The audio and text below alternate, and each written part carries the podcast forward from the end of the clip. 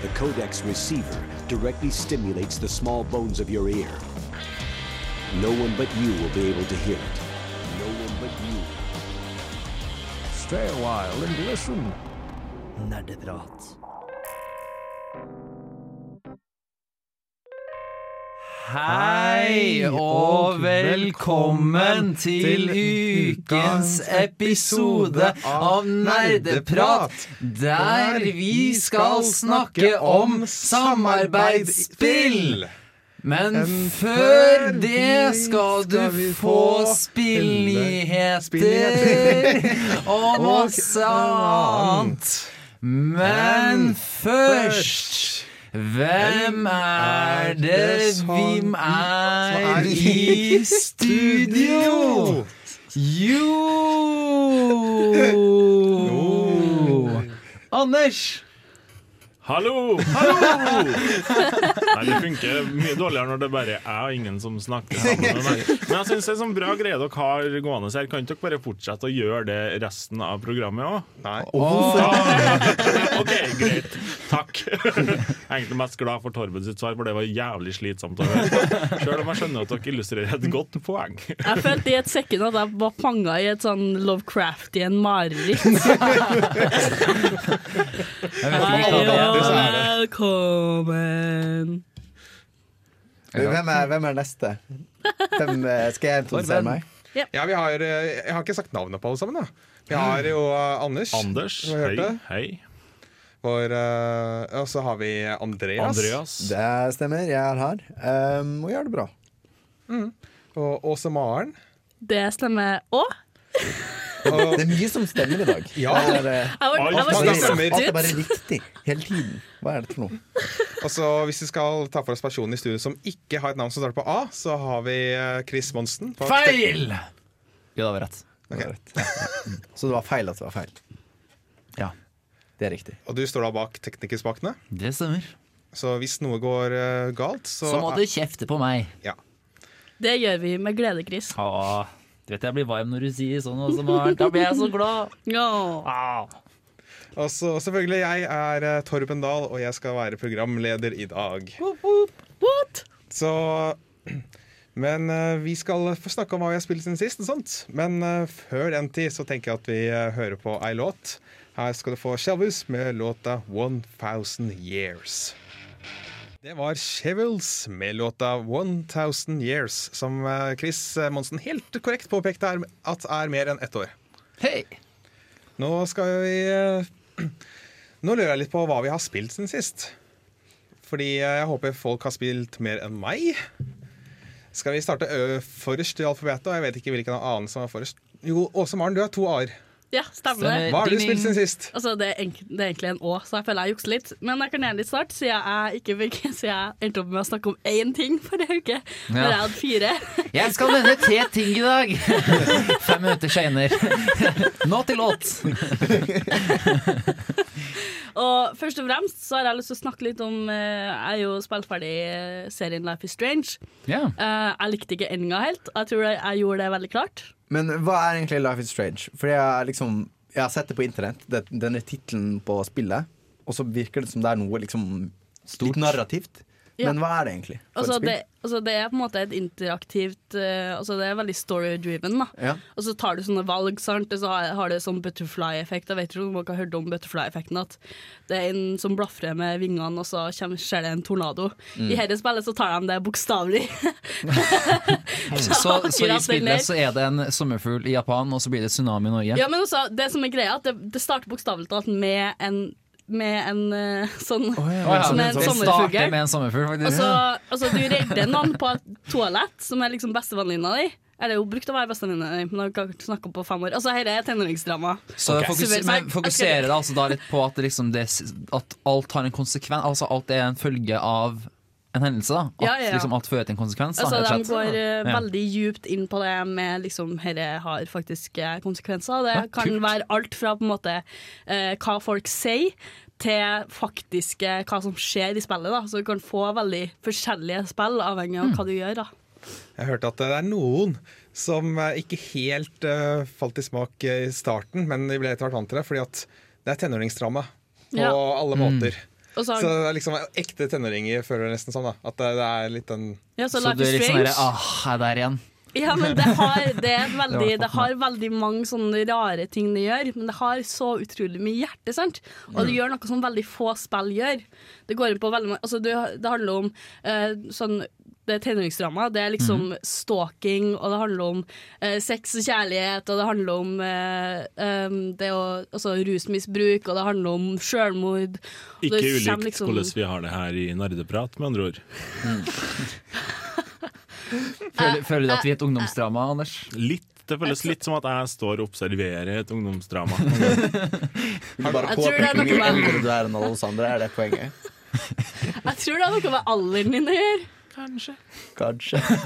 men, men altså, ja. dette høres ut som det ikke kan ende bra, med rusmisbruk og stalkere. Og, Nei, men altså, det gjør jo ikke det, da. Nei. For det kommer jo også Det som er greia med endinga, som er litt dårlig altså, de Spoiler opp til, alert! Ja, men de legger opp Jeg skal ikke spoile noe, men de Spoiler legger opp alert! til ganske mange ting da som de ikke fullfører. Så blir Ja. mange sånne hengende tråder. Så der på slutten så kan du egentlig bare, bare velge mellom blå, rød eller grønn.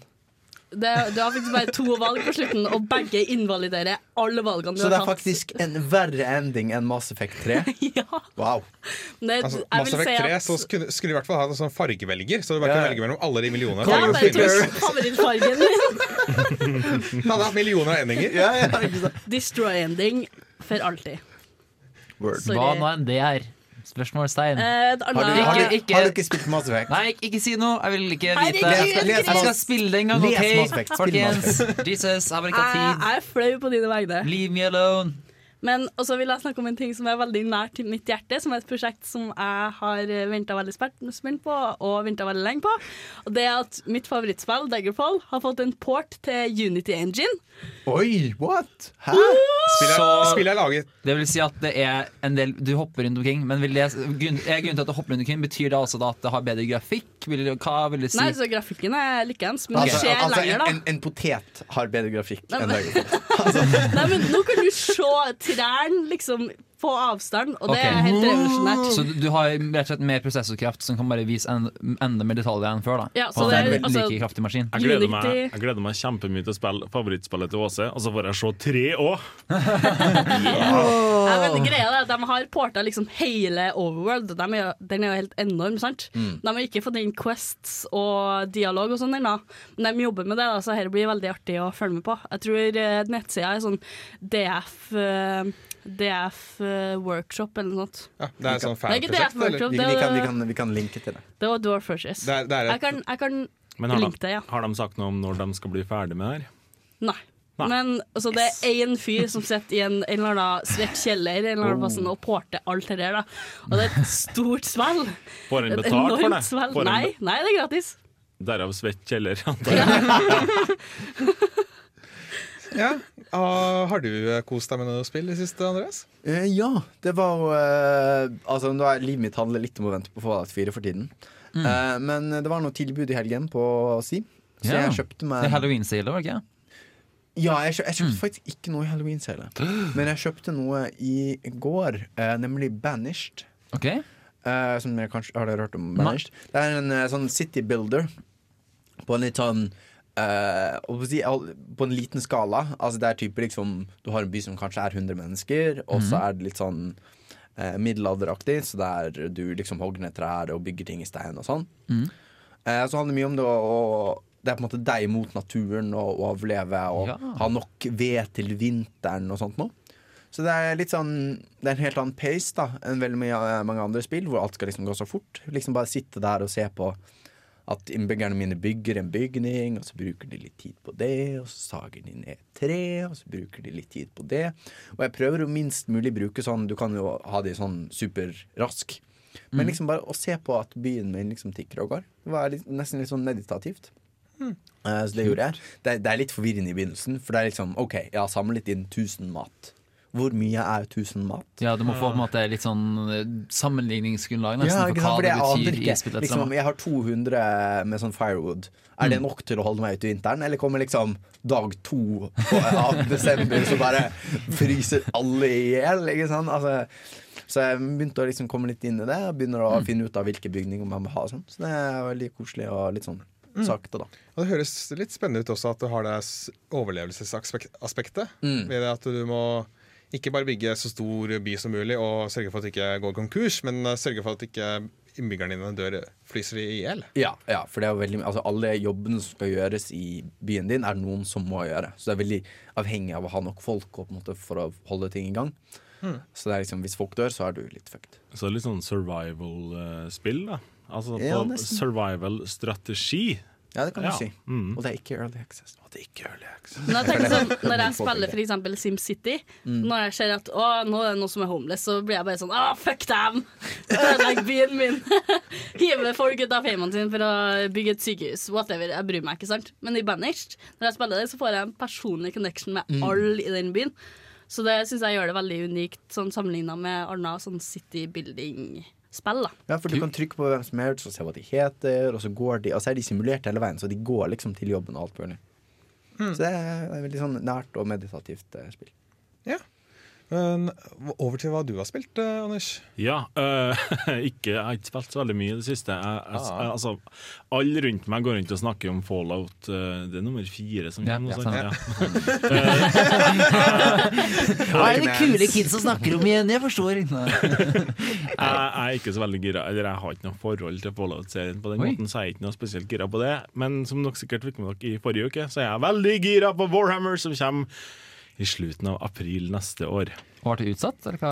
Nei da, det er bare det at ah, ja, det det- er jævlig det er lang tid til det kommer fortsatt. Eh, Så jeg prøver å fylle det her tomrommet i livet mitt med å bare ja, bygge på backloggen min på Steam. Men ikke spille noe, egentlig. Jo, jeg har spilt litt Outlast i helga.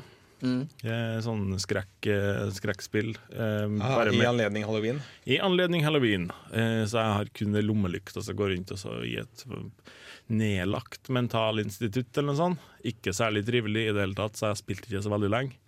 Men jeg har kjøpt meg Blood Bowl 2. For det var Ja. på tilbud nå i går. Det er Warhammer bare amerikansk fotball. Ja, med alle skitne regler som det går an å komme med. For eksempel så kan du få en av goblinene dine til å snike med seg motorsag. Motorsag. ja. Så jeg, jeg, jeg er veldig gira på å sette meg ned og komme i gang med det. Men også, jeg, når du, bare for å dra litt tilbake til, til Outlast Mm. For det høres ut som en veldig sånn hva skal man si, et stereotypisk skrekk, skrekkspill, men det bryter veldig mange av det, man forventer. Man blir faktisk, jeg ble i hvert fall veldig overrasket da jeg spilte Outlast, og hvor, faktisk, sånn, hvor bra det var. da så hvis du, altså, hvis du syns at alle og alle skrekkspill som har kommet ut de siste ti årene er dritt, så burde jeg virkelig anbefale Outlast, for det er et veldig bra spill som gjør noe nytt med sjangeren. Opplevelsen min ble litt ødelagt, for det var uh, kjæresten min som sa nå må du spille det her spillet. Du må prøve Outlast nå. Og så slo vi av lyset, og så satte jeg meg ned, og så hadde jeg kobla over på TV-en i tillegg, så hun satt og så på hva jeg gjorde. da. Og så, og så bare så satt jeg da med, med lyden på, på høyttalere, ikke med headset på. Det jeg begynner å gå bortover, så hører jeg liksom fra borti sofaen. Nå kommer det til å skje noe jævlig That snart. pokerface. Så ja, det var ikke en veldig trivelig spill, syns jeg. Men eh, Anders, du har ikke vurdert å fryse deg selv ned til april neste år? Jo, faktisk. Bare Eh, liksom, sånn kronisk søvn? Tanken har slått meg, Ja. men, eh, men jeg er redd for at jeg kan våkne opp på en fremmed eh, planet, sånn som i Rimworld, og så er det noen som bare stjeler nyrene mine. Så jeg har ikke lyst til at det skal skje. Jeg har faktisk lyst til å slenge meg litt ned på det med- nedfrysningsprosjektet, men jeg skal fryse meg ned til januar 2017, da. Så jeg blir litt lenger enn det. Ja, hva, hva er det som kommer ut i januar 2017, Åse? Jeg skal ikke snakke om det, for da blir jeg altfor gira, og så begynner jeg nesten å skrike. Ok, da er vi snakker vi okay, Ok, Til info, det vi snakker om Bare for å Jeg skal ikke la få snakke snakke det Er det. Sims 5? Nei, det er Star Trek, ny, ny, vi snakker en ny Ah. serie. Er Ja. TV-serien TV kommer først om over et år? Ja. Er det vanlig å si liksom Men jeg tror vi- ikke vi må spørre flere spørsmål, for plutselig så skjer det sånn som det skjedde for to dager siden, når vi fant ut Vi lagde på gulvet på Lukas og sa 'Jeg klarer ikke det her!' Og bare, OK, this is strange. Og alt Chris fokuserte på, var at jeg droppa telefonen min sånn Ja. 30 cm ned i bakkene. Hvorfor Du dropper du telefonen! Den koster flere tusen kroner, Osmar. Men oss, nei, Tor, Torben, spør, spør, spør noen andre spørsmål før hun fortsetter. Okay, jeg, jeg, kan, eh, jeg er litt i samme situasjon som Anders når det gjelder å spille ting. Eller, og gleder meg Fordi at jeg har ikke noe forhold til Fallout-serien, jeg heller. Og jeg har ikke spilt så mye spill, jeg heller. Jeg, jeg vet jeg skuffer dere. Jeg, jeg, jeg kan egentlig bare Jeg kan ta min sekk og bare gå. Ha deg ut! jeg må dessverre inndra nerdekortet, Torben. Ja. Sorry. Krever men, inn eh, nerdekortet ditt. Buddhisman! Boo! Men jeg har spilt litt grann på 3DS-en min når eh, jeg har trengt en liten pause fra og sånt. Fordi at eh, jeg arbeider mer effektivt når jeg tar pauser. Ikke i pølsene, da, men ja, jeg ble mer effektiv når jeg ikke har pølser, men hvis jeg tar pølser. Og da har jeg spilt litt grann Super Smash Brothers til 3DS. Oh, nice. Og det er Finnes det spørsmål Kan man spille på en gammel 3DS-en? Ja. Ja. Da skal jeg kjøpe det. Nice. Nei, for Det jeg, jeg, tror- det, har- jeg tror det er noen funksjoner du ikke får eh, hvis du ikke har nye TDS-en. Blant annet at du kan ikke sette en sånn Amibo-figur oppå. Ja, ja, men det bryr deg. Altså, for- Ellers får du spilt det. Ja, men jeg, er sånn, jeg føler Siden jeg er den gamle 3DS-en, så får jeg deg til å spille nye sånn, noe av de nye 3DS-spillene. Fordi alt dette nye Det er, det er veldig lite som er eksklusivt til det nye 3DS. Det er liksom Mm, den jeg. Chronicles uh, har fått en utgivelse der, men ja. det er ellers det eneste. Så vidt jeg vet. Men føles det godt å banke opp Link og Selda mellom arbeidsøktene? Ja, det gjør det. De gangene jeg får det til, som Jigglypuff. Selvfølgelig spiller du en Pokémon. Jeg burde Ja. det, ja, Men jeg, jeg merker også at 3DS er en veldig gammel konsoll. Mm. Liksom, hvis jeg skal starte å spille, så sitter jeg i ett minutt før spillet er klart til å kjøre. Huh. Og menyer og sånt. Nei, jeg, jeg merker bare at 3DS-en min begynner å bli slitt og gammel.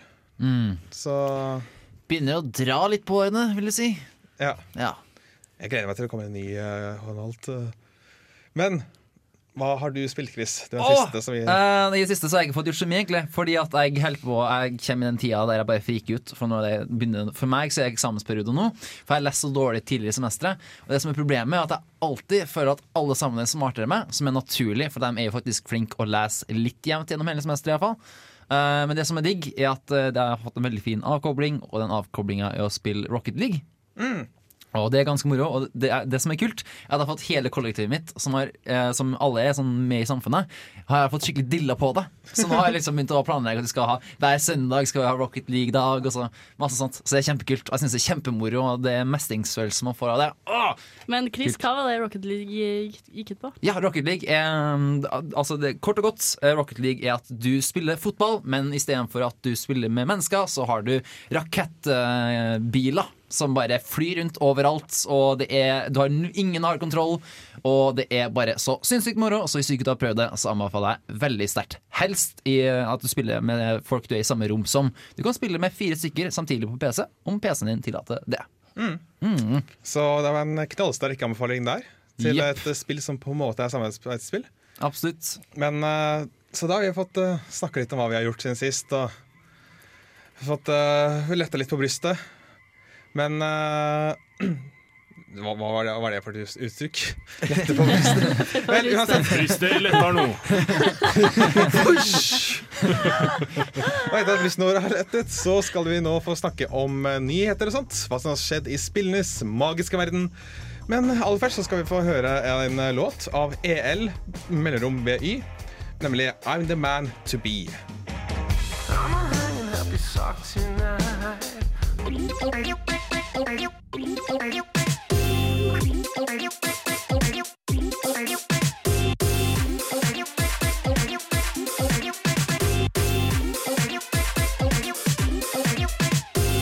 Nerdenytt.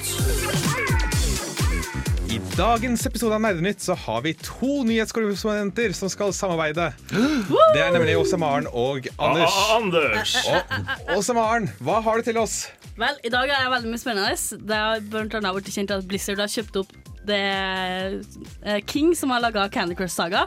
Eh, vi skal også snakke litt om at Tesla skal hyre noen til å lage ting i Unreal Engine. Uh, uh, uh, uh, uh. Så skal vi snakke litt mer om Fallout. Eh, og så skal vi snakke litt om at Konami har dette på dag igjen. Uh, og så har Norsk Filminstitutt bevilga penger til en rekke norske spilltitler som vi skal snakke litt nærmere om. Uh, Warner Brothers har kuka det skikkelig til. Igjen, sier dere kanskje. Jeg vet ikke, men i hvert fall denne gangen har de virkelig dritt i på draget. I tillegg så kommer det en trailer snart om en veldig etterlengta film. Ja. Uh, I dag, eh, første, det største nyheten som har kjent litt sånn eh, shockwaves gjennom spillmiljøet, er jo at Activision og Blizzard har kjøpt King, de som lager Candy Crush Saga, for 5,9 milliarder dollar.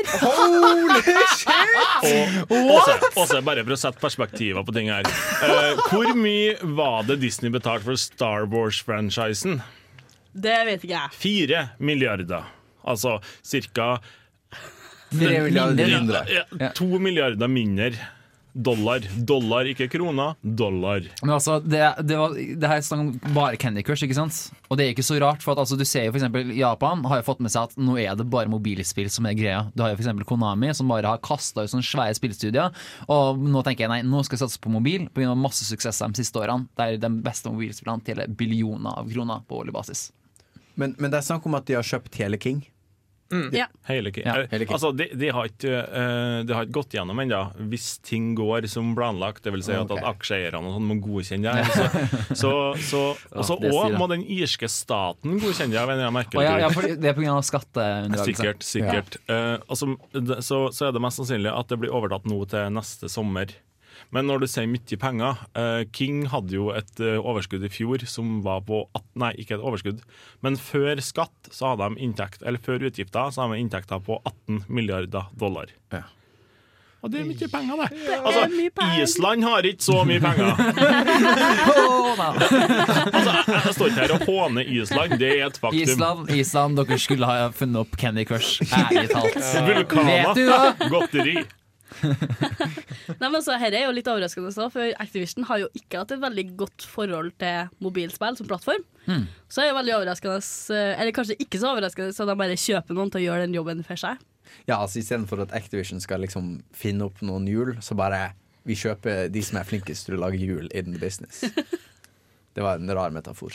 Men eh, Passende. altså, den- Jeg, jeg forsto den. Jeg forsto den i hvert fall. Er, er du liksom testen for om metaforen funker? Det er spør Jeg Anders. tror, det, Metafortesten. altså jeg tror det er jeg som ligger her med lavest intelligensnivå, så jeg tror vi kan, bruke alle metaforer på meg og bruke meg som sånn test subject. Men eh, over til eh, neste nyhet. ja. Det har det seg nemlig sånn at Tesla Motors Her synes jeg er veldig spennende. Her må dere nesten søke på, for Tesla Motors skal hyre inn noen til å lage ehm, ting Eller de sier ikke hva, bare ting i Unreal Engine, som er en, sånn, den gratis engine som brukes av veldig mange spill nå for tida. Eh, og det er veldig interessant med at de på en måte hyrer noen til å innad i sitt selskap.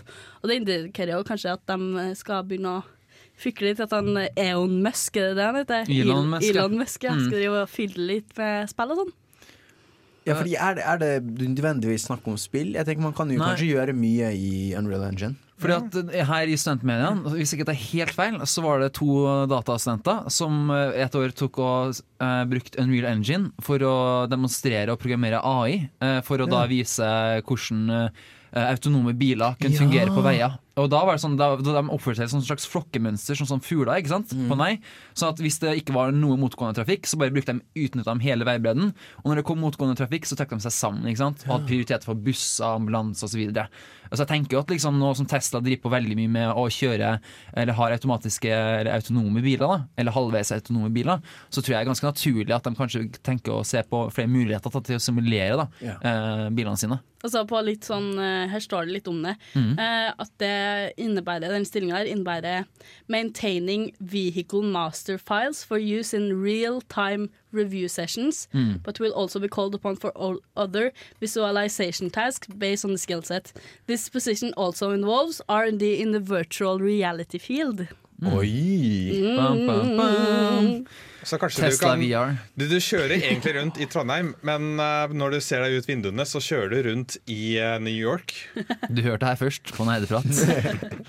Trenger aldri å lade Teslaen din. Du bare kjører rundt den. Trenger ikke å kjøpe deg Tesla heller. Bare i virtual reality. Du kan bare sitte hjemme alltid og bare få sånn mat intravenøst. Kanskje det kommer som DLC til Need for Speed? Tesla DLC. Ja, At du bare setter deg inn i bilen, og så bare Du styrer ikke om nøkkelen, sånn, du kjører ikke noe sted, men du bare sitter der og så virrer på rattet, og så kan du spille i Teslaen. Å, oh, Å, gud. Men uh, Anders, du har vel nytta du òg? Ja. Um, vi kan ta litt kjapt her nå. Uh, Warner Brothers slippte jo, jo Batman-spillet Arkham Knight uh, til alt mulig rart av plattformer tidligere i år. Og så, etter ei stund, så viste det seg at greit, det fungerer greit, kjempebra på Xbox. Det fungerer kjempebra på PlayStation. Hva er det som skjer på PC-en, da? Ah, memory leaks. Ingenting fungerer. Å nei, denne knappen her fungerer plutselig ikke. Hva er det som er galt, folkens? Så de fant ut at ok, greit, vi setter av et par måneder her og prøver å fikse denne feilen. her sånn. Vi selger, eller Det ble sånn som at det var sånn beta eller noe sånt på, um, på Steam. Og alle anmeldelser som lagt igjen, var sånn disse anmeldelsene er lagt inn før det endelige produktet har blitt sluppet. Til tross for at det var tilgjengelig på alle andre plattformer. sant? Nå har de gått ut og sagt uh, altså Nå, nå parafraserer jeg her, de, de sa ikke direkte dette her. De sa Sorry, Mac, vi har prøvd å fikse problemet, men vi får det ikke til. De har, de har, gjort, et, de har gjort et forsøk. De har, eh, nå er spillet tilgjengelig for kjøpet på Steam, og du, eh, de har fiksa en god del. Men eh, å fikse alt som er feil, det har de ikke tid eller ressurser til. Og det de må si at Hvis du har kjøpt spillet før, eh, kom til oss, du får pengene tilbake. No question asked. Yes. Men eh, vi, skal, vi har enda flere nyheter på lur. Men før vi skal høre enda mer nyheter, så skal vi få høre Slutface med låta 'Shave My Head'.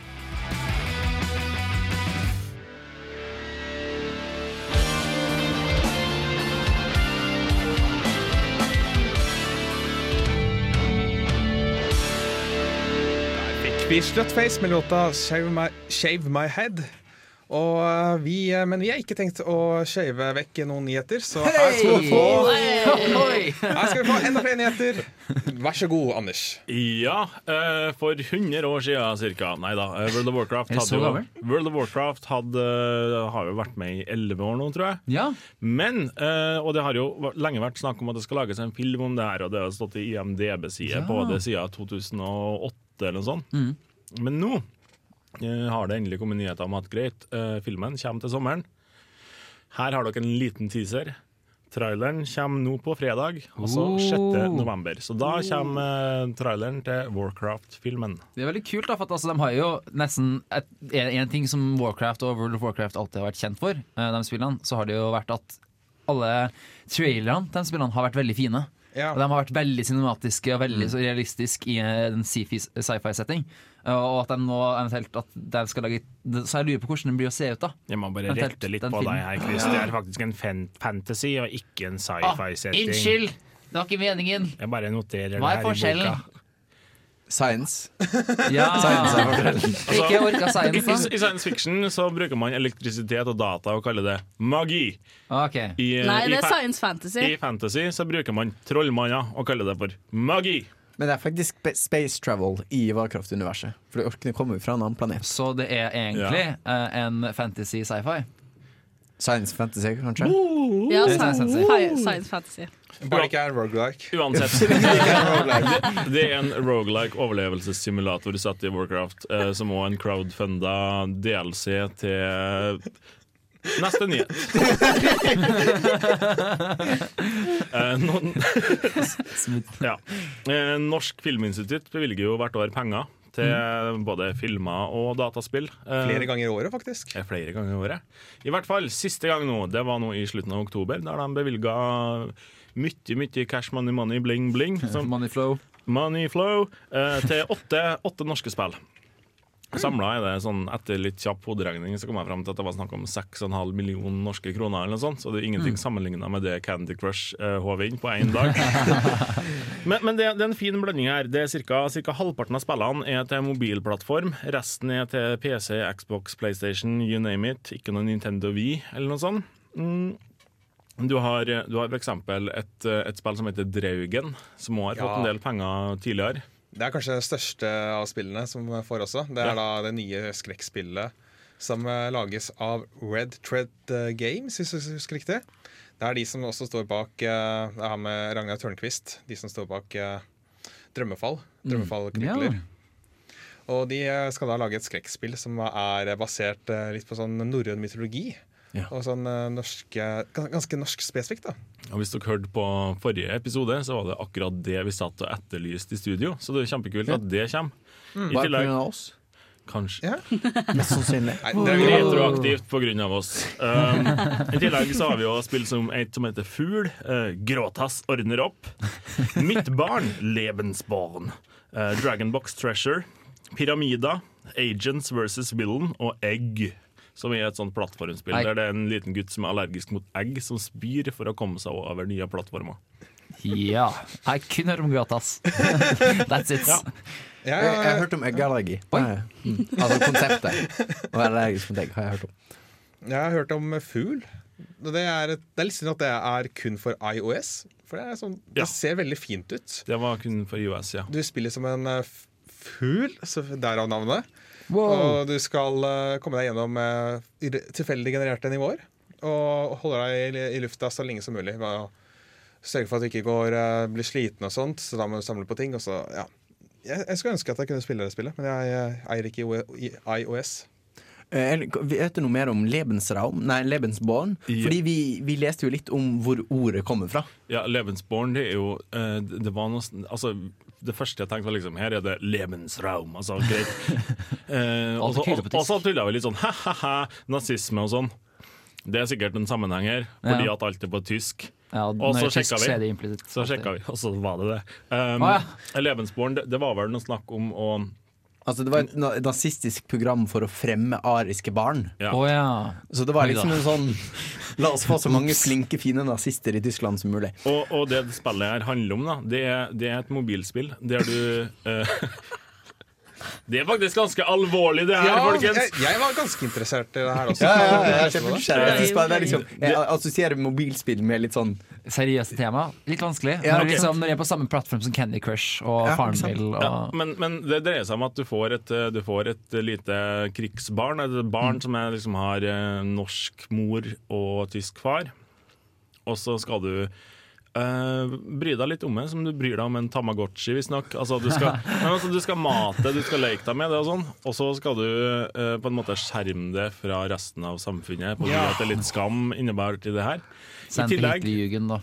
Og det her er vist, Jeg vet ikke, eh, jeg fikk litt inntrykk av at det her er en del av et sånt uh, undervisningsopplegg, som, for det skal også lages en dokumentarfilm om denne Ja. situasjonen. Det Stemmer det. Det skal lages en dokumentarfilm, og de samarbeider med den dokumentarfilmen. Som en slags eh, tverrmedialt eh, Oh. produkt de lager her. Spanende. Tingen med Lebensborn er at det, det er vel sånn barn som er født av eh, som Det var norske mødre, men det er tyske soldater som mm. var faren. Tyskertøser kalte vi det damene på min tid.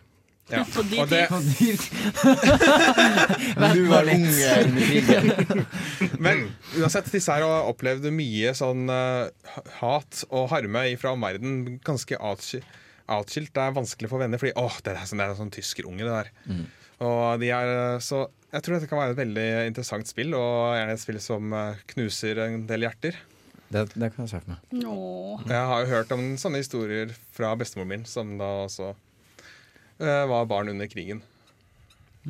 Så det, det er jo et, absolutt et eh, viktig kunstneringsprosjekt, tenker jeg. Ja, du får en uh, tysk, uh, tysk barne-Tamagotchi snart. Jeg vet ikke når det skal gis ut, men etter hvert i hvert fall. Ja, uh, først vil jeg ta to eh, litt sånn eh, små nyheter. de dem som kjøper Fallout 4 til Xbox 360 og Xbox One, kan få med Xbox 3.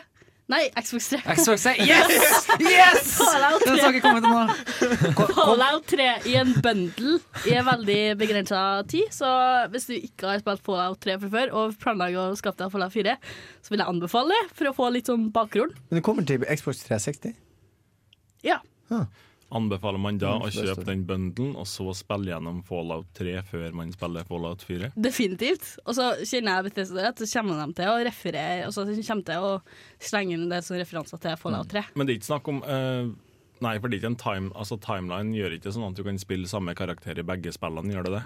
Nei. det som skjer er at veldig vanligvis er det 50 år mellom hver forskjellig event, og det er på veldig forskjellige deler av USA, og det er liksom i en verden der det ikke finnes uh, tog, eller det finnes eh, noen form for transport, men det er ikke utbygd, og det er veldig inndelte deler av USA som er vanskelig å komme gjennom. så, så man risikerer ikke da at man kanskje, hvis man ikke spiller gjennom Follow 3 først, så kan, jeg, så kan jeg at det refereres til din karakter i det neste spillet og sånn. For det har jo vært veldig kult. Nei, har vært Det, Ja, det, det gjør det det skjer. Det skjer. Kanskje? Ja, det kan skje.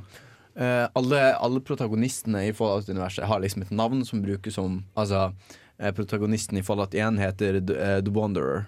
Eller, mener jeg, og på en måte det refereres til The Wanderer i de senere spillene. Mm, okay. Men på en sånn generell generell Var det ikke noe Walt Dweller? Eller var det Ja, Fallout 2? Walt Weller.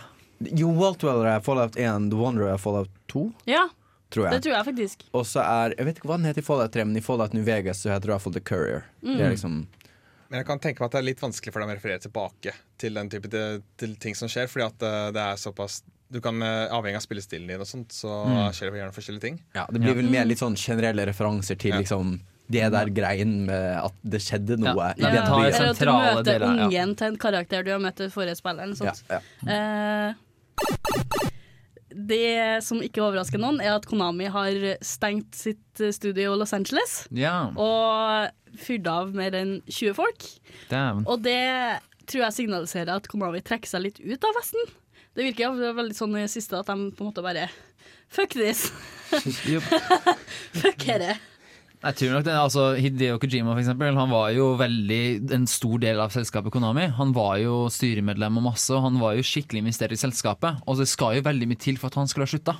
Eh, I utgangspunktet Så jeg tror nok det er pga. at han så at liksom hva selskapet ja, han, har- han har ikke slutta, han er på ferie. Ja, sier det. Selv om på en måte du vet, igjen eh, Folk var på hans farewell party. you know. Nei, Har ikke alle som er fester før de drar på ferie? Men er det også Hidio Kojima som har rettet Konami litt mot Vesten? For jeg vet han likte veldig godt vestlige filmer og sånne ting. Ja. Var det også han som at det fikk Konami til å gå inn i Vesten? Vet vi noe om det? Altså Det var han som laga Hideo Productions i Los Angeles, f.eks. Okay. Uh, så jeg tror nok det er han som har vært mest retta mot det. Eller han Mm. har jo vært veldig klar på at han har hatt en vestlig audiens. Ja. Det har han absolutt. Men Så det er- Castleva- Castlevania har også vært ganske populært. da Mm. Så Men det er litt, kanskje litt det at han går bort, som også er bidragsyter til at de ikke er så investert i Vesten lenger. Da. Stemmer. De skal heller fokusere seg på hva heter det? Kajinko Machines. Hideo Kojima er Konamis Genghis Khan. Dere at var veldig innvikla historisk referanse som jeg ikke tok. etter Bare han la den Han tok synke inn. Får, Hideo Kojima masse bare la den synke inn, OK? Du hva, Det er etterfølgen til Genghis Khan. jeg føler at jeg har et sånn forklaringsansvar her nå, men jeg nekter å føye meg jeg tror det. var Bare et eget par programmer for å La han synke. Ta, ta for oss eh, en mongolsk historie og sånn. Kan jeg, kan jeg komme med en liten nyhet? Ja. Fordi jeg har en liten, en liten morsom nyhet som jeg oppdaget i går. Skal vi kjøre den offisielle nyhetslyden? Ja. Eh, fordi i går kveld så satt jeg og fikk med meg eh, Dere har fått med dere Twitch Plays Pokémon. ja. Ja. Eh, og det var vanskelig nok. Altså Twitch på, Det er sånn strømmingstjeneste for spill, og så har de en chat. Og så bru- brukte de det sånn at det folk skrev i chatten, ble kontrollene til et Pokémon-spill. Ja. Og så klarte de det til slutt. Og så prøvde de. Dark Souls. eh, Twitch Plays Dark Souls. Det var enda verre. Men de kom seg til mål til slutt. Nå er det villeste nye Twitch-prosjektet er Twitch installs Arch Linux.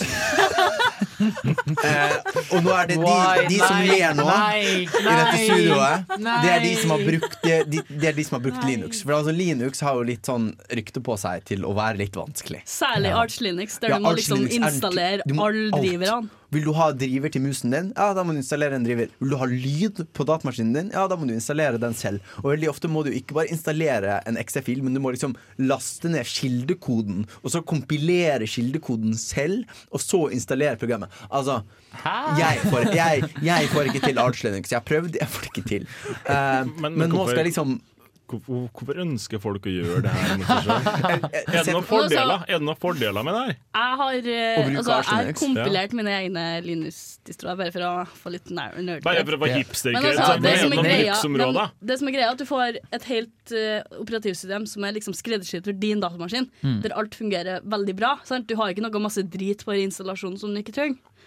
Mm. Det er liksom hovedgreia. Pluss at, det, pluss at det, altså, du lærer veldig mye om datamaskiner av å installere Linux. Det brukes også veldig ofte av folk som er systemdesignere og sånt, nettopp fordi at du da har kontroll over det du installerer, og du har, du har kontroll over hvilken versjon forskjellige drivere av programmet har, da, som er veldig Ah, okay. viktig i mye av Ja. utvikling. jeg tror også det er en del liksom sadomasochisme her. altså Samme type mennesker som syns det er morsomt å bli pisket, de syns det er morsomt å installere Arch Linux. For det var den tanken jeg fikk? Men nå er liksom én person jeg sliter med å installere Arch Linux. Nå er det liksom Eh, når jeg var innom, så var det 800 mennesker som tasta Men det har vært liksom 100 000 innom. Jeg vil slå et slag for Twitch Plays, eller Twitch Installs uh, Gentoo, eller Slackware eller noe sånt. Det er kanskje enda verre. Litt verre. Litt verre. Uansett, her er veldig, det er ikke en særlig nyhet, men jeg syns det var veldig spennende nå. Um, Rise of the Tomb Raider, altså neste Tomb Raider-spillet, skal ikke ha loading screens. Men hvordan, Er det nyhet? hvordan gjør de det da? Hva, Altså, Men eh, så det- er det nyhet? Altså, er det snakk om altså at det er uvanlig for at Tomb Raider ikke har loading screens, eller uvanlig at et stort spill ikke har loading screens? Ja, altså, altså, tenk på forrige Tomb Raider-spill, det som kom ut i Mhm. 2013. Det var jo mindre enn Rise of the Tomb Raider og hadde loading screens. Okay. Så her skal de ha et større område som skal fære så, sånn, på Ja, en måte så, fritt så det er, rundt ja, for det er relevant til Tomb Raider-serien. For jeg tenker på at Du har eksempel svære spill som for eksempel GTA 5. eh, Helt massive spill. Og der har du nesten aldri en loading screen, bortsett fra starten. Mm. Uh, og jeg antar vel han bruker kanskje en litt samme teknikk av Rise of the Tomb Raider også. Ja, så, at du har en Rise of the Tomb ja. Særlig i Tomb Raider-spillene, så er det jo sånn at du må komme Det har sånn animasjon der du liksom presser deg gjennom en tynn passasje eller fer gjennom eh, havet og sånn. Og liksom da ser jeg for meg at det loader mens det animasjonene kjører, da. ja, så de har en slags sånn sluse som Ja. du må igjennom. Litt sånn som Portal, da. For eksempel. Ja. Mm. Ja, teknikken er i hvert fall at du, start, du må laste inn en del av som spiller på forhånd, og så klarer spillet å forutse hvor du skal, og så klarer han å laste inn spillet da, i minnet mens du holder på, slik at ikke du må vente. Og så når du går gjennom en sånn liten passasje, da, så jobber spillet da med å hente ut en ny del og fortsette og fortsette. Og derfor opplever du ikke da lasteskjermer. Det er litt interessant at uh, Fordi lasteskjermer de uh, har jo ikke alltid vært der heller. De har jo tidligere Når det var kassettbasert spill, så kunne du hente ut informasjon veldig raskt. Så da var ikke det så lang eh, lastetid. For eksempel i Nintendo 64 så kom, kom jeg ikke på at det var noen sånn særlig sånn loading-skjermer og sånt. Eh, Disse tidene kom jo med PS1, PlayStation 1, Mm. hvor de hadde sånne CD-baserte medier. Mm. Men det var jo veldig begrensa hvor mye du kunne ta inn ja, eh, på én gang i, på en Nintendo 64. Ja. Det var det. for eksempel Serena of Time, der du går gjennom rommene. For der har du ikke en loading screen, men altså det er sånn fade to black, og så opp igjen. Ja, det er det.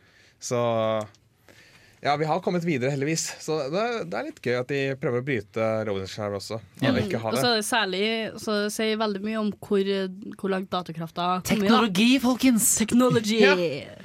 Og vi, vi skal peise på videre, vi også. Og, men eh, før vi skal ta for oss ukas spørsmål, så er vi nødt til å ha en liten eh, loading-sekvens for dere. så dere skal aller først få høre Dan Kroll med låta One of Us, etterfulgt av Hjert med låta I Thought The Future Would Be Cooler. Yacht. Sa jeg sang? Nei, ja, altså, du sier ikke hjert du sier yacht. That's not the point. Nå skal du iallfall få Dan Kroll med One of Us.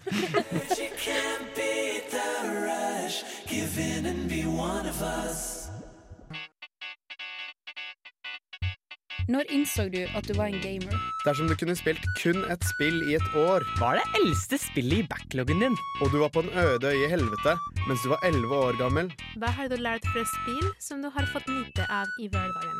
Er det et spill som har hjulpet deg gjennom en tung periode av ditt liv? Hva er ukas spørsmål? fikk vi, der fikk vi hørt uh, Hjort. Var det det riktig? Yacht! Yacht. Yacht! Yachts. Yachts med en låt som jeg ikke husker navnet på. Men altså, jeg, jeg har om, om å Jeg, jeg, er ute på, jeg er ute på uttalelsen uh, Men, men hele Torben, du er jo fra Er du ikke fra Bærum eller noe sånt? Oslo-området? Hei!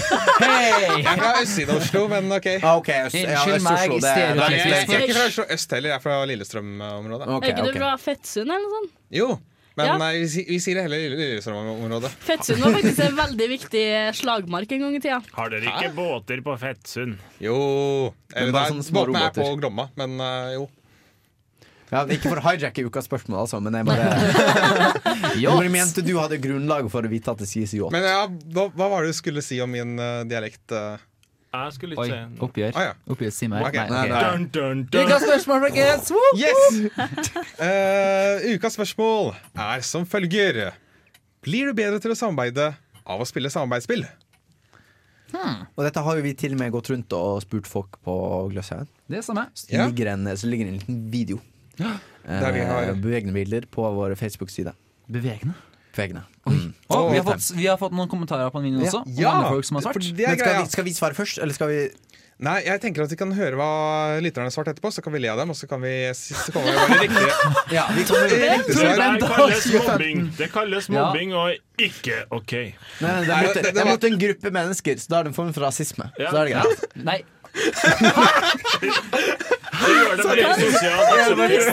Hva skjer nå?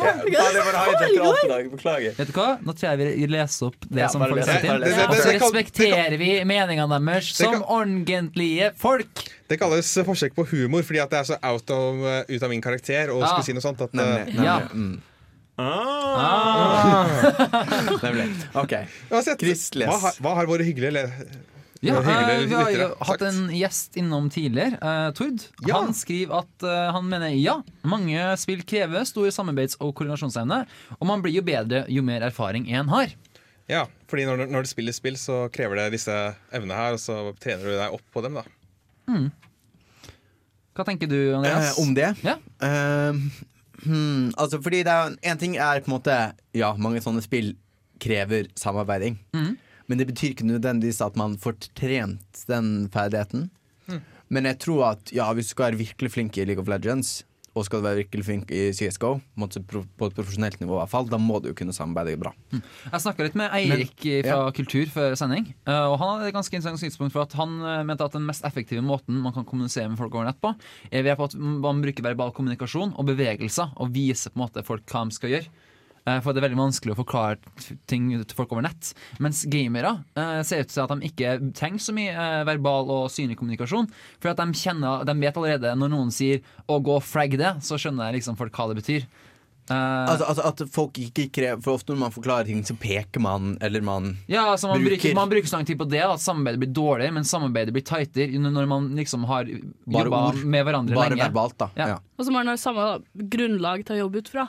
Mm. Samme kunnskapsgrunnlag, Ja, ja, ja. Så man forstår hverandre. stikkordet her er jo at det er i en sett kontekst her. Sant? Hvis du spiller et spill som, altså et, på et lagspill der du har en liten map, og så, skjer, altså, så trenger ikke jeg å si at hei, nå gjør dere klar, for om 20 sekunder så kommer jeg bak dem og angriper fra, tar et bakholdsangrep, og da er det greit at dere er på plett, folkens. For det hadde vært veldig fint, for da kunne vi kanskje vunnet denne runden. Jeg trenger bare å pinge der. Jeg, jeg sier ding, ding, ding, der kommer jeg. Og da vet de, på grunn av det de ser der og da, herre her kommer til å skje i løpet av de neste 15-20 sekundene. Og det er også en annen grunn til at jeg blir skeptisk til om man er flink eh, til samarbeid utenfor spill. Mm. Fordi det er så veldig kontekstuelt.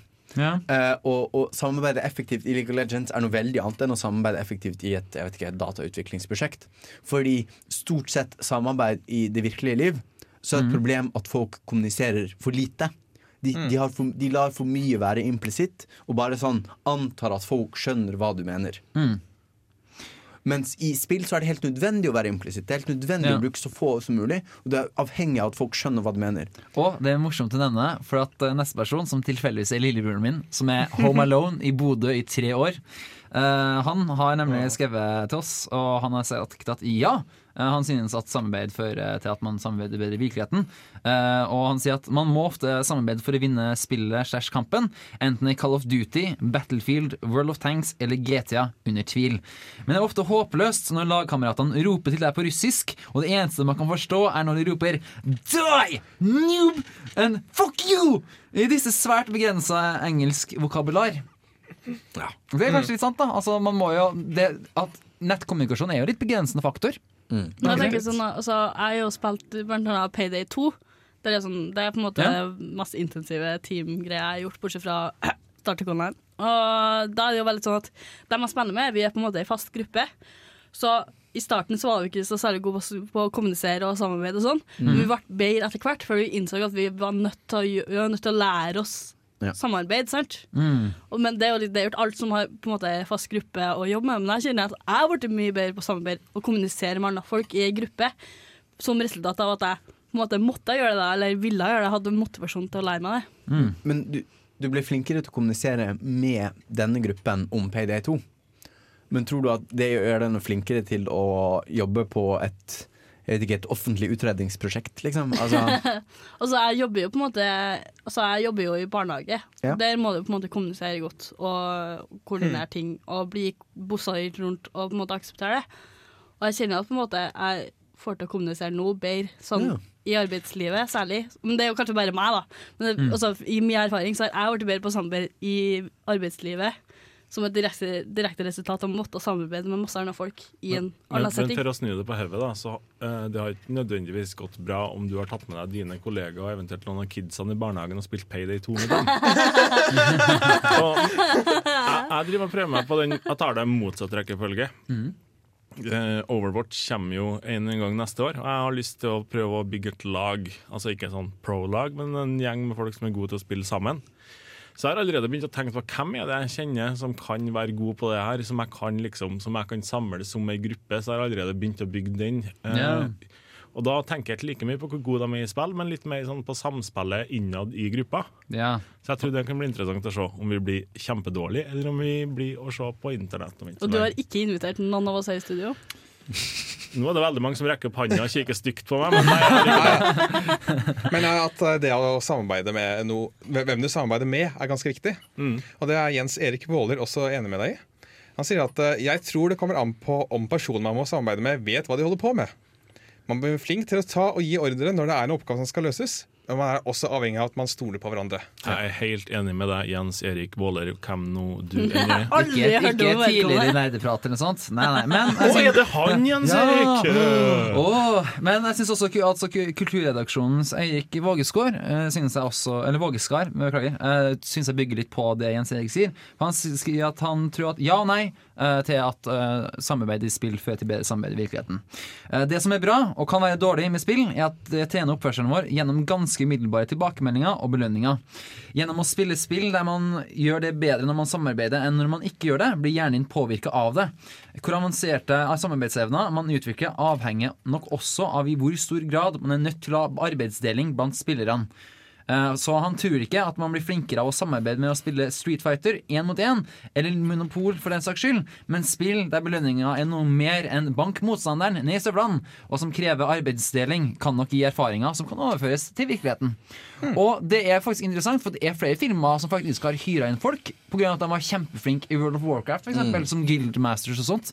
Veldig mange har fått jobb etter det, fordi de var flinke til å organisere et svært crew, få dem til å jobbe sammen og få dem til å bli større da enn de var individuelt. da Men, men det her er jo ting som har gått fullstendig på sida av selve spillet. Her er det jo snakk om ledelse som i all hovedsak foregår utenfor uh, spillets fire vegger, om jeg kan si det på den måten.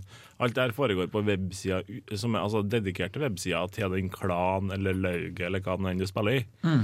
Men det er ikke i selve spillet at det her skjer, i hovedsak. Ja, men hvis du har et sånn 60 persons raid i World of Warcraft, så må du jo ha en form for, du må ha en eller annen form for koordinering der. Ja.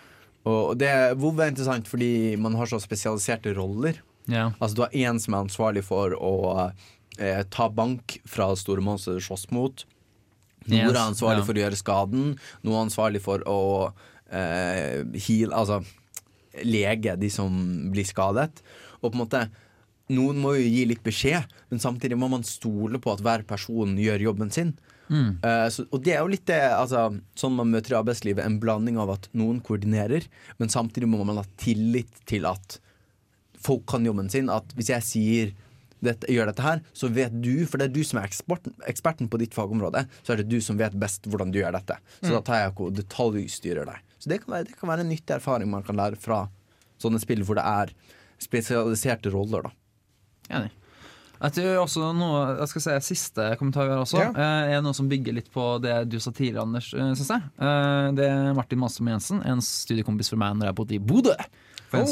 Eh, veldig koselig kar. Eh, han sier at i multiplayer-spill så matcher deg med randoms for en 10-20 minutters pause, så vil jeg påstå nei. Men det hele endrer seg om vi beveger oss over i vennekvelder med COD som, eller Call of Duty Zombies, eller kanskje det jeg har mine beste minner fra Portal 2 Co-op Campaign. Og du har jo spilt mye av det Co-op har du ikke? Ja, ja, Portal 2. Jeg husker mest å bli liksom Fordi veldig mye Portal handler om at for eksempel eh, holder ned en knapp, sånn at en laservegg skrus av, og så går den andre. Og jeg har veldig mye erfaring med at akkurat idet jeg står i laserveggen, så hopper kompisen min av, sånn at jeg får laser i ansiktet og blir destruert. eh, så jeg har mye erfaring med sånn ah, you. Det er òg veldig representativt for hva som kan skje i arbeidslivet. Før du tror det, så får du en laser i ansiktet, liksom. Altså, det er, Ja. Da, da er på feil Hvis man jobber eh, for liksom sånn amerikansk forsvar eller noe sånt, kanskje det kan skje. Det er det man har risikotillegg for. Men eh, nå har jeg jo på en måte sagt masse tanker sånt rundt dette. Ja, så hvis jeg eh. skal stille sånn Eller hvis jeg skal stille sånn ja-nei, bare Det er sånn som de gjør i Politisk kvarter. Det har jeg alltid hatt lyst til. Blir du bedre til å samarbeide av å spille Coop-spill? Spør? Åsmaren først. Eller Åsemaren. Ja. Eh, Andreas. Vet du hva, jeg må komme med et forbanna politikersvar. jeg. Fordi altså, jeg tror det er veldig kontekstuelt. Jeg tror, det er, jeg tror du kan lære Tida di er ute, Andreas! Noen ferdigheter kan du lære fra K-spill, men jeg tror også noen ferdigheter kan du Du kan få også noen dumme ferdigheter. Altså noen ferdigheter som ikke lønner seg i virkeligheten, og noen eh, ferdigheter som lønner seg i virkeligheten. Fordi samarbeid er en sammensetning av mange ferdigheter. Og uh, Anders. Ja, men Yes! Og Chris Vansen. Tja. Og jeg er også på den der uh, tja. Og, eh, vi, men vi har ikke det, det er ikke bare oss ufaglærte innenfor videospillfolk som, skal, som har uttalt oss. Jeg dro nemlig opp på Dragvoll og snakket med Kristine Ask. Ja, spillprofessoren på NTNU. Ja, en Spillforsker, spillprofessor. Ja, hun er eh, i hvert fall universitetslektor. Ja, universitetslektor er kanskje et ord. Og eh, hun har da forska på hvordan spillere samarbeider rundt WoW, som vi var jo inne på. Og hvordan spillere som eh, kollektivt eh, greier å stanne seg ny kunnskap og overføre denne kunnskapen til nye spillere. Og eh, jeg har fått spurt om hennes eh, tanker rundt dette, så jeg tenker vi skal høre hva hun syns. Etter det skal vi høre 'Disaster in the Universe' i store bokstaver. Med låta 'Distractions'. Før vi eh, skal høre om et spill som Chris Kristoff... Ja, Kri- Ja, Chris Monsen. Kristoffer. Eh, fun fact, uh, min kompis prøvde akkurat nylig å skifte navnet mitt til Chris Dankmeme Monsen. Uh, så takk, kjære venn. Eh, det er much appreciated. Men først så får vi høre Torben som snakker med Kristin Ask om sine tanker rundt samarbeid i spill. De spillene som jeg har studert i World of Warcraft, de er blitt veldig gode på å Eller mange er blitt gode på, i alle fall, eh, og, samarbeide på nett. Eh, og litt av poenget når man samarbeider på nett, er jo at det veldig sjelden det foregår bare på nettet. Som oftest har jo man også noen man, andre kanaler man prater med folk på telefon, eller man møter dem i eh, lunsjen eller noe sånt. Så det, de spillerne jeg har sett i World of Warcraft, de blir veldig gode på denne type samarbeid. Men det å spille samarbeidsspill i seg sjøl tror jeg ikke gjør at man liksom at man endrer personlighet og plutselig er blitt dyktig på samarbeid. Disse spillerne jeg har studert, brukte kjempe, kjempemange timer på å få disse ferdighetene. Det gir veldig lange svar på egentlig skre- enkle spørsmål. Korte svar er nei. Nei, man blir ikke Eller kanskje ja. Jeg er ikke helt sikker hva jeg mener.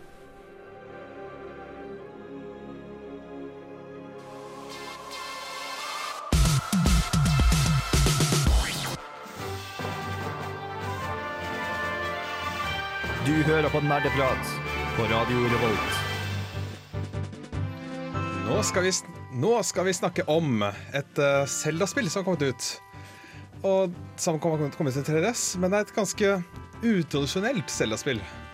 Eller eh, hva sier du, Chris Monsen?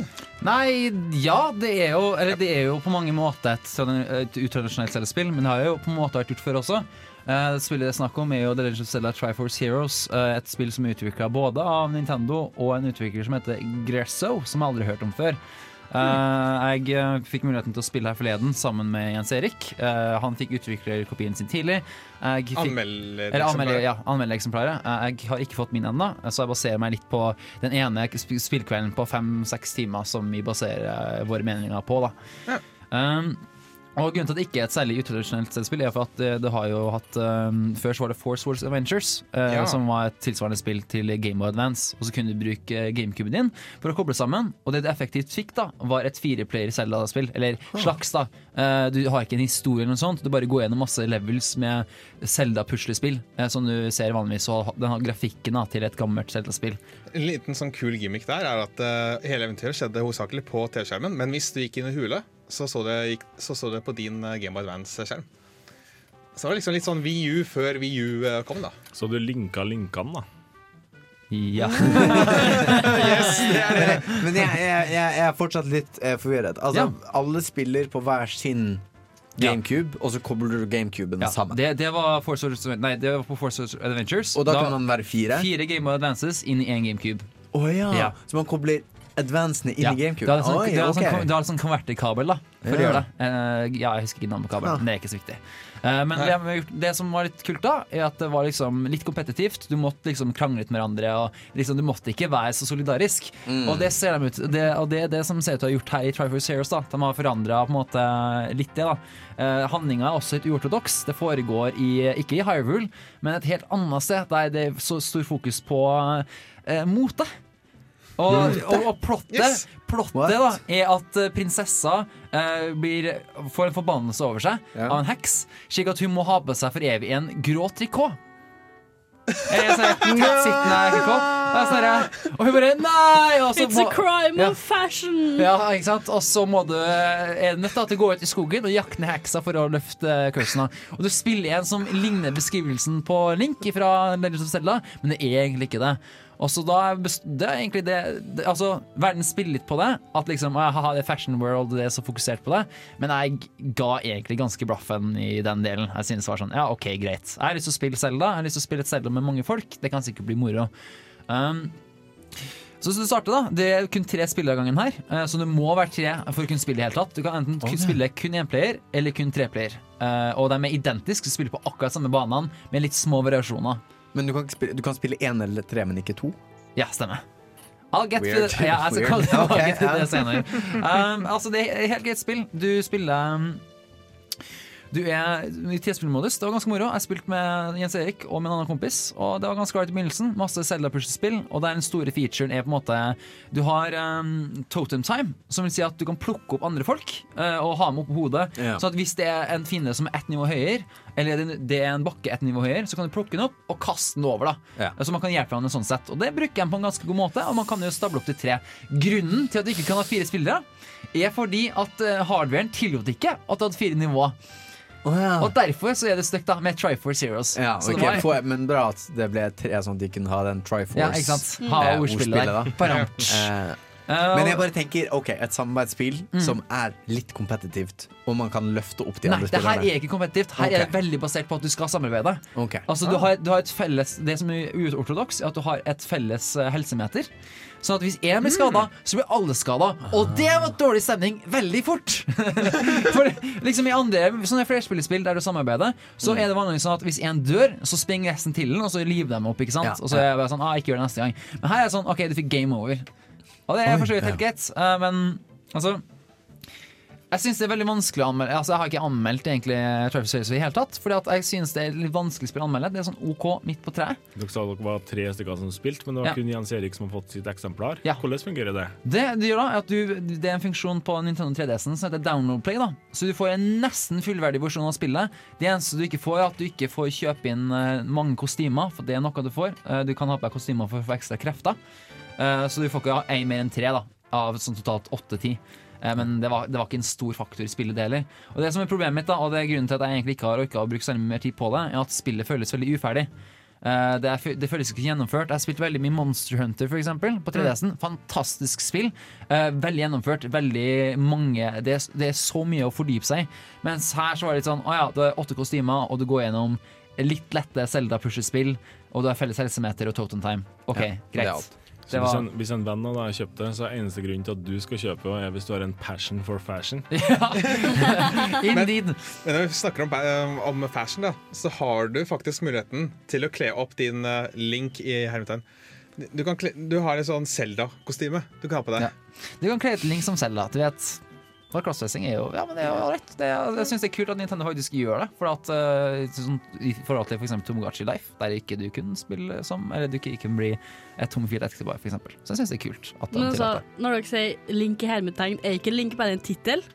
Uh, nei, på det, er, det, er alltid, det er er en helt da som er liksom har blitt valgt av skjebnen. Men her er det ikke noen som er valgt av skjebnen. Her er bare Å ja, nei, hun må gå i trikot. Å nei, men da må vi jo fikse problemet.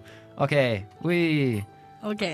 Eh, spørsmål tri Triforce, er ikke det sånn at det er tre egenskaper? Sånn, Ja, stemmer. Er- courage, Power, power wisdom. wisdom. Er det sånn at dere har litt roller? At du har liksom Ja, altså- courage-helten, power-helten, wisdom-helten. Nei, det var ikke helt den, da. Nei. Men det som er litt uortodoks, at vanligvis i et Zelda-spill så går du gjennom hvert tempel, og så får du en ny ting som du tar med deg, og som har en spesiell egenskap som du kan utnytte for å slå nye nivåer. Her så får du utdelt eh, Altså på begynnelsen av hvert nivå så må du velge hvilken ting du vil ha, og den er du stuck med helt til du er ferdig med det området. Og da er det som, da er det som at det det er en samarbeidsfaktor. At du må for Mm. Ja, du med tau, du må nå ikke sant, ta, fikse det. Og du som har pil og bue, du må skyte han jævelen der, osv. Men kan det hende at uh, dere er tre duster som spiller sammen, og dere velger items som gjør at dere ikke får til å gjøre ferdig banen? Er det Nei, mulig? det er, det er tre faste, så du kan ikke ja. velge mellom et utvalg. Du har tre, og du må krangle mellom de tre. da Ja. Så alle har én hver, og det er ingen items som er igjen. Hey, rope guy! Get here! Uh, men igjen, jeg synes litt problemet er at det føles veldig uferdig. Det, kan, det er et spill som det kan gjøre så mye med, men det er bare så tomt, syns jeg. Altså, og jeg synes det liksom mangla det, altså, det var jo teknisk helt OK.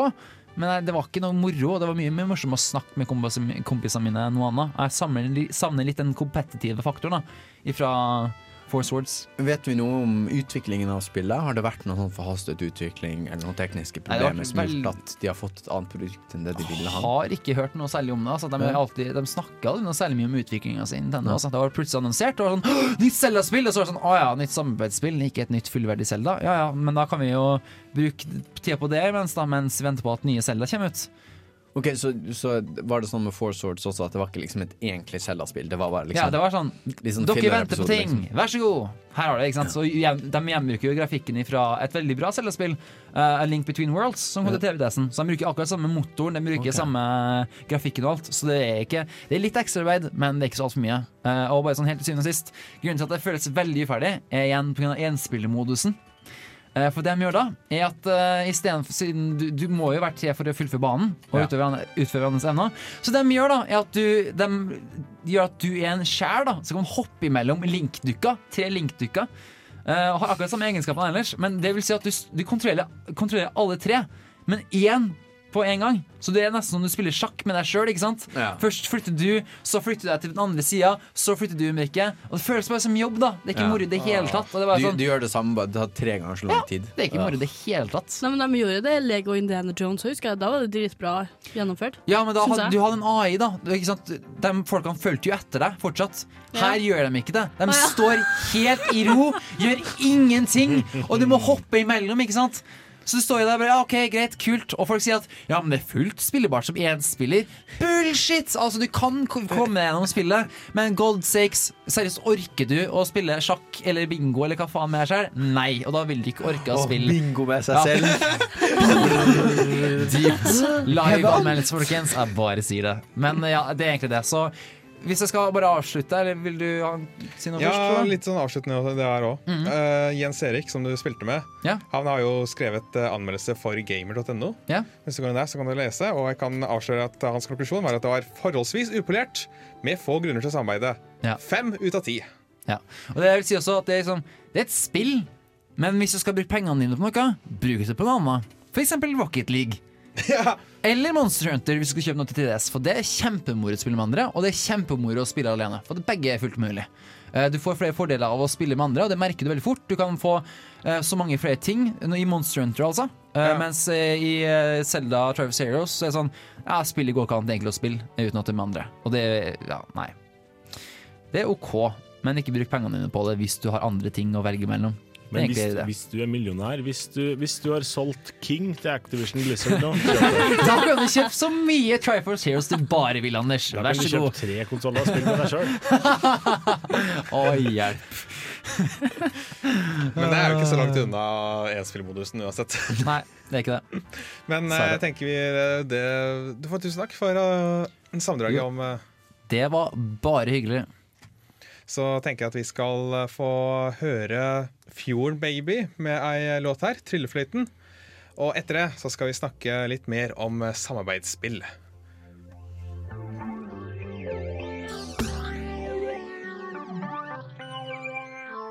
Radida til bardaga. Ja! Ra radida. Ja! Til bardaga. Nerdeprat på Radio Revolt! Ja! Vi skal nå snakke om ukens tema, som da er samarbeidsspill. Altså spill hvor du samarbeider med andre. Jeg, jeg tror ikke jeg trengte å forklare det, men Men jeg fikk føle noen trengte hjelp, vet du. Ja, Ja, så samarbeider vi litt med dem. Så jeg lurer først litt på hva, hva er det vi tenker om samarbeidsspill? På at, eh, Om, eller hva, hva, hvilke spill jeg tenker på? Nei, eller eh, på en måte hva Nå skal, nå, skal, nå må jeg formulere meg. Hva er best, eller hva foretrekker du, liksom? Alene, jeg, alene. jeg, kan, ja, jeg, jeg, jeg skjønner hva du mener. Altså, jeg tenker at det er veldig kontekstuelt. Jeg føler at liksom noen kvelder når jeg er helt utslitt, har vært med masse mennesker hele dag, og sånt, så er det veldig ofte at jeg føler at vet du hva, nå vil jeg bare sitte inne på rommet. Og hvis jeg føler at jeg har tid, og har tid til å spille, så vil jeg spille noe som helst vil spille alene. Ja. Og ha en egen, liksom bare fordype på en måte min egen verden. da Eh, og Hvis ikke det er tilfellet, så eh, altså, noen andre ganger hvis jeg føler meg opplagt og jeg har lyst til å ha litt moro sammen med venner, så liksom sier jeg jo sånn Yo, har dere lyst til å spille Rocket League i kjelleren? Og de sier ja. Og jeg bare OK, kult. Og så setter vi opp i kjelleren, og så spiller vi, og så har vi det moro sammen. da Jeg tenker også det er noen spill som passer til å spille alene, og noen spill passer til å spille med andre. Det, er noen, det første spillet jeg kom på når jeg liksom ville ha en sånn erketypisk alenespillopplevelse, er The Last of Us. Ja. Som er en veldig sånn, et spill man fortaper seg i, som, et spill som sparker deg i alle følelsene du har. Og på en måte jeg, merker, jeg, får, jeg, får, jeg har en sånn spesiell sånn følelse i magen når jeg tenker på The Last of Us. For det liksom berørte meg så veldig. Og jeg tror at hvis jeg liksom hadde sittet med noen i samme rom og liksom chatta litt casual om liksom, ja, hvordan har du det for tiden, det ville liksom ikke fått samme innvirkning på meg. Fordi Nei. det handlet litt om å tape meg helt inn i denne spillverdenen og tro helt på den. Og man får et sånt Når man samarbeider med noen og snakker med noen, så får man et sånt metanivå med en gang. Man er ikke helt Ja. inne i spillet. på en måte Jeg tror, ikke, jeg tror ikke det funker å skulle spille med andre, heller ikke sånn skrekkspill generelt. da Hvor du liksom bygger veldig på stemning og sånt. Det blir Mm. straks en veldig forskjellig stemning når du spiller med andre. Mm, jeg tenk samtidig så er det med spill man jeg aldri kan tenke meg å spille alene. Det er blant annet altså, for eksempel MMO-er, da. Mm. Hvor jeg aldri spilte alene da. Jeg følte meg så sinnssykt ensom. sant? Og da hadde ikke, da hadde ikke jeg faktisk ikke klart å ta opp stemninga i spillet, eller også klart å nyte det ordentlig, da, fordi jeg rett og slett var alene da, blant alle som liksom hadde kule nye vennene. Så satt jeg bare der alene og ja, her er skipet mitt. Ja, Jeg syns det er noen spill som blir litt tomme uten noen å spille det med. Mm. MMO er kanskje arketypisk, men også er spill som eh, Borderlands for eksempel, syns jeg er litt tomme uten å spille noe med. For det er litt store avstander. Det er litt sånn Man trenger litt den mens man kjører i bilen fra et oppdrag til neste. Og liksom bare sånn småprate litt med noen. Det gjør veldig mye. Spesielt også når jeg har spilt Skyrim, sant? Mm. følte jeg nå, nå ble jeg veldig ensom sant? av å spille det alene. Det var det første eh, Var det høsten 2012 Skyrim kom? Uansett, jeg, jeg installerte det. så- Ja, 11. 11. 11. Ja, det var det, ja. Eh, november eh, 2011. Eh, jeg kjøpte meg Skyrim, lasta inn det, og det første jeg kjente på altså etter jeg la, altså Jeg satt jo gjennom introen og sånn, men det første etter at dragene angrep og liksom jeg var på vei ned til Spoilers. Veldig spoilers. Um, det var sånn Hvorfor i all verden sitter jeg ikke og prater med noen? Det er ikke noe sjettefunksjon her. Det, det er bare lyden av natur og døde drager og sånn. Uh, ikke døde drager, men det er bare sånn Gau, gau, gau. Fugler og vaskebjørner, jeg vet ikke hva. Altså, da, Og alle vennene dine i Skyrim er liksom AI som er sånn ja, det var, det var ingen jeg kunne sitte og småprate om på Skype eller, sånn, eh, eller noe som helst. Det, altså, det, det føltes så to, altså, Det ble jo bedre etter hvert, som Mm. jeg vente meg på det igjen, men, men akkurat der og da var sånn hm. For jeg tror nesten det føles to, eh, mer tomt fordi det er AI-er der. Altså, Ja. På en måte Mm. føles Minecraft mindre tomt fordi det er liksom ingen, og man er på utforskelsesferd, men det blir liksom Nesten sånn altså om det, Jeg skal kalle det uncanny valley, eller at du får en sånn følelse av falskhet. At du har alle disse menneskene rundt deg, men de er bare liksom tomme skall som kan si ti forskjellige ting. Det blir, det blir liksom desto mer ensomt, på en måte. Ja. Jeg har jo hatt en sånn greie med overlevelsessimulator en stund. Ja. Eh, og det starter med Daisy, som da er et sånt eh, Der kan man gå sammen, eller man kan spille solo. Eh, men så kjøpte jeg The Forest, som til å begynne med var at du kun spiller for deg sjøl. Eh, og så er det haugevis av sånne kannibalmutanter rundt om i skogen, men det var bare meg sjøl. Det, altså, det var kun jeg som kunne bygge det huset som holdt dem unna. Det var kun jeg som kunne kappe av dem armene og sette fyr på de armene for at de skulle bli redd for meg. Det var ingen andre jeg kunne stole på. Sant? Det var bare meg der. Og var det bra altså, Var det en, en interessant opplevelse, De, de eller var det de trist? gjorde, jeg syns de gjorde fallhøyden øh, høyere, da. At eh, straks jeg døde, så var det ingen som kom og dra meg tilbake i teltet og gi meg geitemelk til jeg Og kom til live igjen. Ja, sånn, og holde rundt meg rundt leirbålet og fortelle Anders, alt kommer til å gå bra til slutt. Litt lyst til å gi Anders en klem akkurat nå. Det jeg syns er interessant med coop-spill, er jo den funksjonen at du på en måte kan kombinere to ting man liker å gjøre. Eh, la oss si, altså det er veldig mange som ikke har uh, altfor mye tid. Uh, for eksempel han, uh, nerdeprat eh, mellom Hanna, som er veldig opptatt med jobb nå, for eksempel. Den meste tida som jeg og en del andre gamle nerdepratere og sånt eh, er, er å henge sammen med hun, er jo via spill. Eh, Minecraft for eksempel, og, og så videre. Og så det er jo ganske interessant at du kan på en måte eh, gjøre begge deler samtidig. da At du på en måte både kan ha moro i et spill og henge med andre, selv om de kanskje ikke er helt i nærheten heller. Og det Mm. syns jeg er veldig kult. Og sånn Apropos Minecraft og den type ting, da. Mm. Har vi et favoritt-Coop-spill? Er det et Coop-spill vi går til eh, når eh, vi eh, har venn på besøk og så Hei, du, vi skulle ikke tatt og spilt. Sett inn spill her. Jeg syns det er veldig vanskelig, eh, for at jeg merker at jeg liker veldig ofte å presentere folk for spill. eh, Mm. Og jeg merker at du veldig ofte er igjen kontekstuelt. Eh, det kan bli fryktelig kleint hvis du i en eh, viss sosial setting, eller hvis du akkurat har møtt noen og bare putter dem foran et spill eh, som er sånn OK, eh, men som blir veldig rart. da Og jeg syns også det kan hindre eventuelt prat da og eventuelt interagering mellom nye. Jeg vil, jeg vil slå et slag for rockband, som er et veldig bra sosialt spill med folk som ikke spiller så mye. Ja. Det, var liksom alltid, det funket alltid fint hvis jeg hadde, jeg husker vi hadde en klassefest, og så skulle vi se en film, og så skulle vi spille rockband. Vi endte bare opp med å spille rockband. Så det er liksom, uh, det er liksom Man trenger ikke være en gamer for å liksom prøve å spille den plasken her sånn grønn, grønn, rød. Uh, og alle er med på det, og så gjør man noe sammen, for det er noen som er på trommer, noen som er på gitar osv. Og så kan liksom de som ikke spiller, kan sitte i sofaen og se litt på, høre på musikk, prate.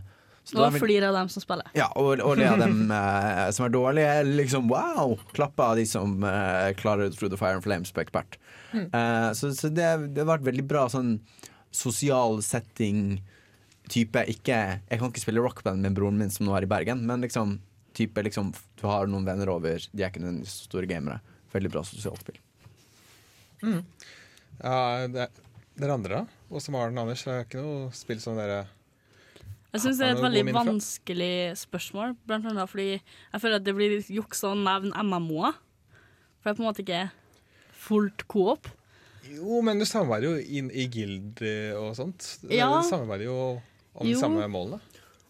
Om Jo. ikke det er et 100 samspill, det er et spill som trenger samarbeid for å bli virkelig gøy, kan man si. Mm. Og det Ja, nei, men det er faktisk Jeg tror det som jeg har det mest artig med å spille med andre folk, det er faktisk Payday 2. For det er veldig artig, og det er veldig For da kan man er helt- bare Fuck the system, fuck capitalism! Ja, men, ja, men det er jo sånn altså, Man kan virkelig bare slå seg løs da og bare fuck alt. Man kan koble helt fra verden utenfor og bare Mm. leve i det insane bankrobber, klovnemaske, våpenverden. da Nå vet jeg hva jeg skal gi henne til bursdag. Mm. Og jeg- jeg har litt vanskelig for å svare også, for jeg har ikke så mange spill som jeg tenker på når det kommer til dette. Men eh, jeg tenker vi nå skal få høre Jeg tenker mye rart. Her skal vi få høre 'Never' av Jenny Lee.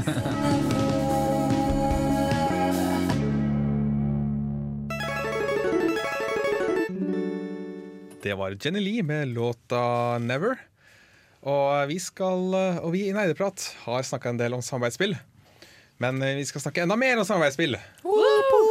Og det skal gjøre det, Vi skal samarbeide om å snakke om det, og vi skal eh, og vi samarbeider om det her. Vi snakker ikke over internett, sånn, vi er samme rom. Ja, okay, så ja, Om man liksom spiller local cope versus uh, online, ja. Ja, uh, fordi at det er en liten forskjell der. Mm. Det er jo blitt nevnt litt tidligere i sendinga også, eh, med annet at du har på en måte kommunikasjonsproblemer for eksempel på nett. Det er vanskelig Ja. kanskje å forstå folk. Og så har du litt den at du har ikke den fellesfølelsen at du kan ikke slå kompisen din hvis han er en drittsekk, liksom, i samme rom. Og jeg merker det spesielt i spill som er både eh, samarbeid og kompetitive. Mm. For det er mange spill som det er for eksempel fire mot fire. Vi spilte mye Left for Dead. Og Der Ja. kan man jo spille en modus hvor du har fire som er overlevende, og så kommer seg unna zombiene. Og så er det fire som spiller som sånne spesialzombier med Ja. egne krefter. Og liksom den, Det er skikkelig gøy å være Det er en type som heter Hunter, som hopper på folk. Og det er sinnssykt gøy å være hunter og hoppe på noen. Det er enda morsommere når du hopper på noen, og så hører du de si 'nei!' på den andre siden av bordet. Og du bare Ja, og jeg og et par ingeniørvenner så, i et studie som jeg pleide å gå på før, eh, har ofte et eh, LAN sånn to til tre ganger i måneden. Nei, to-tre ganger i måneden. Wow!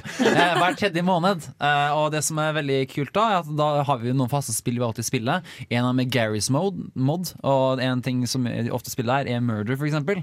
Og det er hysterisk morsomt. Altså, du hører liksom folk bare Nei, nei, nei! nei, nei Og andre bare Jo, jo, jo, jo! jo Og så liksom Fader, kikker, kikker du på skjermen min, eller? Og så bare masse ikke sant? Du får så mye mer interaksjon for deg da, i forhold til online. Altså, du kan ha det veldig moro der også, men jeg tror liksom det er faktisk, som Andreas sier, at du kan se følelsene til folk, og du Mm. bare Se dem ut i fjeset, da. Er ganske moro og tilfredsstillende, syns jeg iallfall. Men du har jo på en måte Du kan ha voicechat også, men det er jo ikke like hyggelig opplevelse når du spiller på overnett. Jeg er veldig uenig med dere her. Eller? Eh, For, for, dere, for dere sier at ok, greit, det er greit å slå kompisen din hvis, du, hvis han gjør noe galt, eller noe sånt. Mm. men hvis vi skal bryte ned til at det er det kompetitive som faktisk er viktig her, så syns jeg det er greit at det kun foregår over voicechat, for da får man luka ut en del sånne distraherende elementer, som f.eks. en sur Chris Dankney Mon Monsen som Hei! kommer og slår deg, eller hopper opp på et bord for at du dreper en. sant?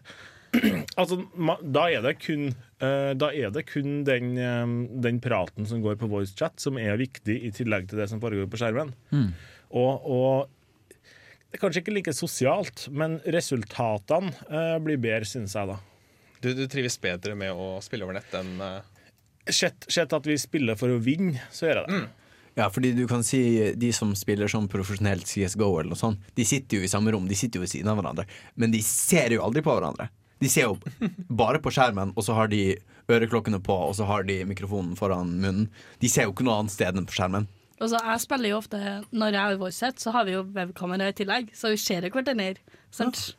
Så jeg føler, jeg føler Jeg kjenner ikke noe forskjell på å spille local co-op og på en måte over internettet. Altså, bortsett fra det obvious da, at man ikke er i samme rom. Men man ser hverandre, og man hører hverandre. Da føler jeg liksom at man har Man har en komplett opplevelse, da. Hvis Ja. det er sånn. For at det er mye som du kommuniserer når du er i samme rom. Enten det er håndbevegelse og sånt, og det må du gjerne finne et annen måte å signalisere på i, i spillet. Men du kommuniserer jo ikke håndbevegelser midt i et spill. Altså Hvis jeg sier Hvis jeg og Andreas driver og spiller på lag i Counter-Strike, eksempel, så vil jeg at Andreas skal gå til den ene basen, og så går jeg til den andre basen, så vi får covra begge, begge inngangene, eksempel. Da, da hei, hiver ikke jeg på armene til høyre og venstre. Ja, Andreas, gå den veien! Jeg, da, jeg bare, hæ? Jeg sier Andreas, gå til nummer to, eksempel. A og B heter det faktisk. Ja, ja, ja, ja whatever. Men altså, gå til bombespot én eller to. Jeg har lyst til å bare nevne kjempekjapt uh, bare en ting som synes er veldig kult, og det der er Keep Talking or Nobody Explodes. Et, yeah. slags And Nobody Explodes. and Nobody Explodes. Uh, et, et kvasi-brettspill slash eh, dataspill, der én sitter på en datamaskin og, eller, med VR-bilder på og ser på en bombe, og så sitter tre andre med et, en bombe... Manual. Ja, manual, og så bare må de kommunisere med hverandre. Bare sånn Ja, OK, en er gul, en er grå, rød. OK, da må du trykke det her, og så videre og så videre. Ikke sant? Og det synes jeg Det er en sånn ganske ny moroform for gameplay også, som er unikt for det. For ikke, for ikke å nevne det gamle spillet som vi spilte veldig mye i, i fjor, eh, Town of Salem. Ja, herregud. Åh. Men jeg synes det er morsomt det du nevner, Chris, om på en måte en situasjon hvor du har en som sitter med bomben, og en som sitter uten bomben. At du har veldig en asymmetrisk eh, samarbeid. Mm. At man har forskjellige evner og forskjellige roller. Indeed. Og eh, vi er, når det gjelder asymmetrisk eller forskjellige roller, vi, har, vi er radiopratere. Vi skal fortsette å snakke litt eh, etter en låt. Vi skal la The Pixel ta seg av eh, låta. Her får du I Have The Right To Go To Sweden.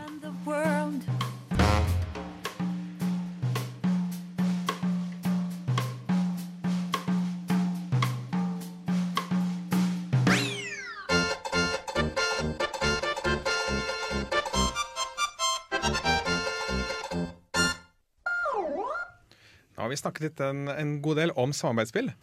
Og så lurer jeg på Fordi vi har jeg, jeg føler at det er en trend ute og går.